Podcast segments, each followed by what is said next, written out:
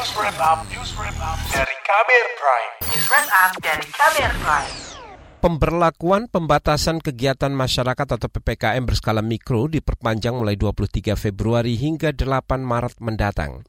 Pemerintah mengklaim PPKM mikro mampu menekan laju kasus COVID-19 dengan baik.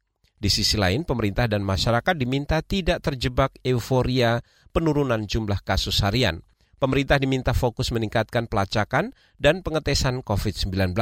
Dua jurus ini dinilai paling mujarab untuk menekan penyebaran COVID-19. Berikut laporan yang disusun jurnalis KBR Astri Septiani. Pemerintah memperpanjang pemberlakuan pembatasan kegiatan masyarakat PPKM berskala mikro. PPKM Mikro lanjutan ini akan dimulai pada 23 Februari hingga 8 Maret 2021 mendatang. Presiden RI Joko Widodo optimistis PPKM Mikro menghambat laju penularan COVID-19 jika dilaksanakan dengan serius. Kenapa saya ngomong di awal minggu itu PPKM tidak efektif ya karena memang kurvanya tidak ada yang melandai turun. Tetapi yang kedua kelihatan sekali sudah turun. Yang ketiga ini turun lagi. Kasus aktif juga kalau kita ingat, mungkin tiga minggu yang lalu, itu masih di angka-angka 14 ribu, bahkan 15 ribu. Sekarang minggu terakhir kemarin ini 8 ribu, 9 ribu, sudah selama seminggu. Hanya kemarin itu ini lagi ke 10 ribu. Tapi ini menunjukkan bahwa PPKM Mikro ini kalau memang kita lakukan serius, ini akan memberikan hasil. Sementara Ketua Komite Penanganan COVID-19 dan Pemulihan Ekonomi Nasional KCPPEN Erlangga Hartarto menilai kebijakan perpanjangan PPKM Mikro ini diambil lantaran pemerintah menganggap PPKM Mikro efektif menghambat penyebaran virus corona. Hampir dua pekan pemberlakuan PPKM Mikro, jumlah kasus aktif di Indonesia turun hingga 17,27 persen dalam sepekan tentu kita melihat untuk kita tindak lanjuti daripada perpanjangan PPKM karena PPKM eh, termonitor bisa menekan baik itu berbagai kriteria yang diterapkan untuk menangani pandemi COVID. Jadi berdasarkan evaluasi tersebut, para gubernur akan menindaklanjuti instruksi Mendagri yang telah diterbitkan, instruksi Mendagri nomor 4 tahun 2021 Erlangga menyatakan proses 3T yakni testing, tracing, dan treatment masih jadi salah satu prioritas pemerintah dalam PPKM Mikro. Pemerintah bahkan menyiapkan penambahan alat untuk tes antigen.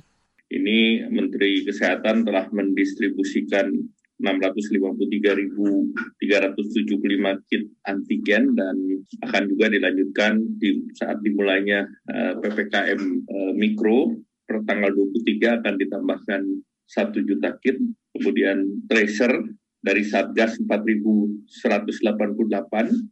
dari Babinsa 29.491, dari Babin Kamtipmas sebesar 17.523. Sebelumnya, Menteri Kesehatan Budi Gunadi Sadikin mengakui jumlah tes cenderung menurun saat libur. Hal itu berakibat pada kasus terkonfirmasi juga turun, sementara di sisi lain positivity rate-nya justru naik.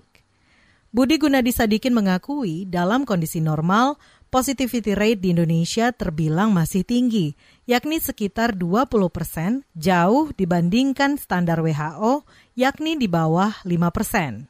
Namun, pemerintah mengklaim lebih siap memperluas pengetesan dan pelacakan di perpanjangan PPKM skala mikro ini.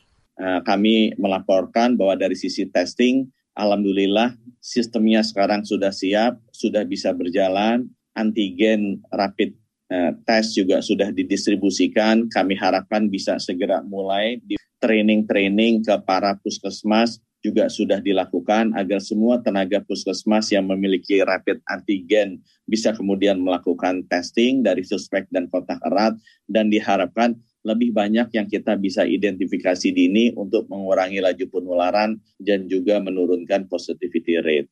Ahli epidemiologi dari Universitas Erlangga Surabaya, Jawa Timur, Laura Nafika Yamani mengingatkan untuk tidak merasa senang dengan turunnya kasus harian beberapa waktu belakangan ini. Epidemiolog mengingatkan pemerintah fokus meningkatkan pelacakan dan pengetesan pada pelaksanaan PPKM Mikro. Dengan kedua upaya itu, pemerintah bisa menurunkan penularan COVID-19 di tanah air, termasuk perilaku masyarakat yang tidak lengah dan tetap mematuhi protokol kesehatan. Kadang tabel yang menunjukkan jumlah kasus harian, tapi tidak menampilkan jumlah pemeriksaan. Nah ini yang dikhawatirkan ya, bahwa masyarakat ini menganggap bahwa oh ada penurunan kasus gitu loh. Padahal itu kemungkinan ya bisa disebabkan oleh dua hal. Memang betul-betul menurun atau yang kedua karena jumlah pemeriksaannya juga menurun. Tapi jangan sampai euforia. Nah tapi kasusnya menurun ini apakah diimbangi dengan jumlah pemeriksaan yang memang sudah ditingkatkan.